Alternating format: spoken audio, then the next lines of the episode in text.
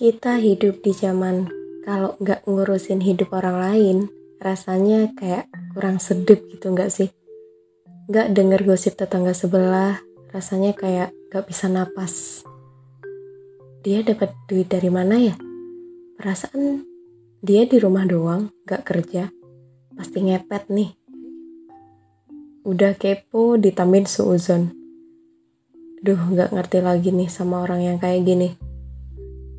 Tahu nggak kalau iri itu penyakit hati loh. Ih, serem banget tahu nggak sih dampaknya. Kita jadi nggak tenang, nggak bisa tidur. Pokoknya kepikiran rezekinya orang lain gitu. Soalnya kalau orang iri itu selalu ngepoin temennya kan. Terus mengkalkulasi apa yang terjadi di hidup mereka. Kayak, dih, dapat uang dari mana tuh? Astaga, cewek pulangnya malam-malam terus. Pasti cewek nggak baik nih. Ya ampun, padahal cowok, tapi masih aja gelimpungan di rumah. Kerja kek, gimana kek? Males banget. Dih, lu udah berapa tahun kuliah kok nggak lulus-lulus sih? Duh, kayak pernyataan-pernyataan macam itu tuh panjang banget kalau dijabarin. Dari satu titik bakal merembet. Yang awalnya kepo, akhirnya jadi suzon. Habis suzon endingnya ngejudge orang lain. Habis ngejudge, terus nyakitin hati orang lain. Dan tahu nggak kalau kita nyakitin hati orang lain, luka yang kita berikan di hati orang lain tuh nggak bakal hilang. Oke, mungkin mereka udah maafin, tapi apa mereka bisa lupa? Aku jamin kayaknya enggak deh. Mereka pasti bakal inget. Kalau kita udah berbuat buruk sama orang lain, terus orang itu masih baik ke kita, itu tuh nunjukin kalau kita bener-bener manusia yang super duper buruk Ya normalnya kan kalau orang bersikap buruk pasti dibalas buruk kan. Tapi kalau kita ketemu sama orang baik, meskipun kita jahat, ya tetap aja dia baik. Semakin aku gede, makin sadar kalau kalimat diam itu emas emang valid banget. Baiknya ya emang kita nggak usah ikut campur di kehidupan orang lain Kan cuma nanya doang, salahnya di mana? Masalahnya lo nanya sesuatu yang bikin orang overthinking. Eh, apa kabar? Udah lulus? Yang tadinya seneng ketemu, ditanyain lulus, malah jadi enak. Percayalah pertanyaan kapan lulus buat mahasiswa semester akhir itu kayak petir tapi nggak ada mendung.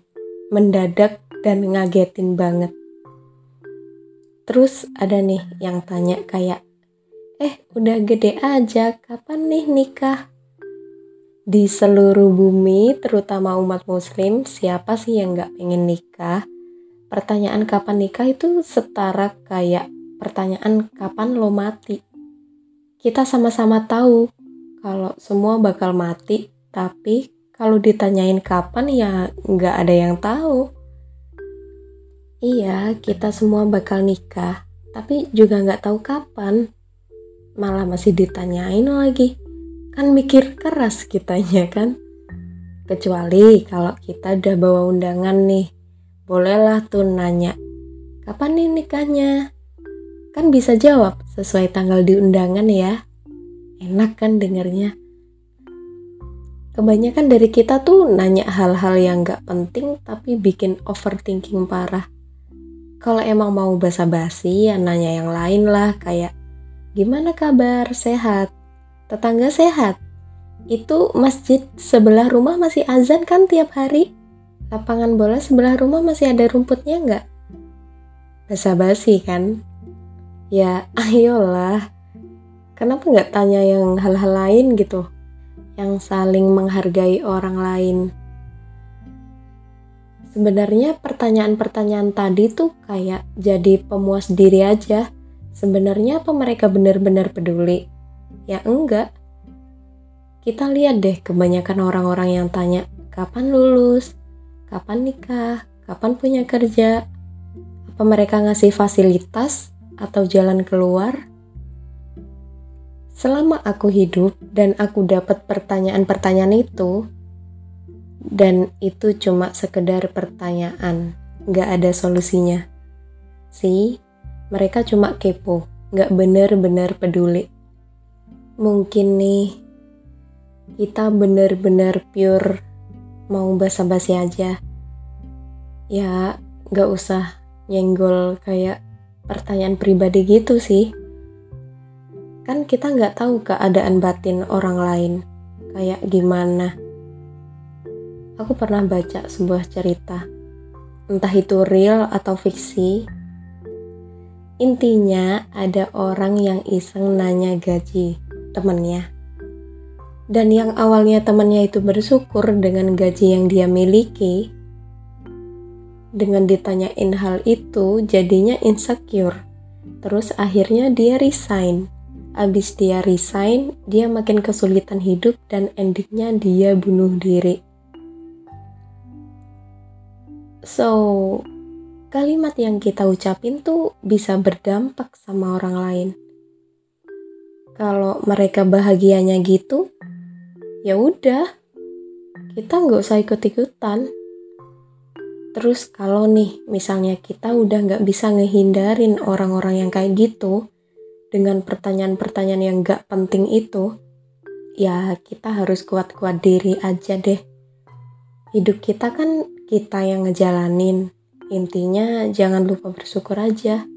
Dan jangan ngebandingin hidup kita dengan orang lain. Endingnya ya kita sendiri yang bakal stres kalau kita terus-terusan ngebandingin diri sama orang lain.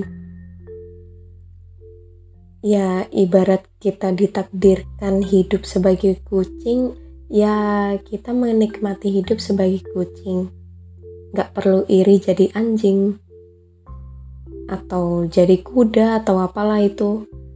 Tuhan tuh tahu posisi kita dan peran kita apa so let it flow aja lah dan yang penting kita kan udah berusaha kan intinya jangan lupa bersyukur dan stop kepo. Oke? Okay?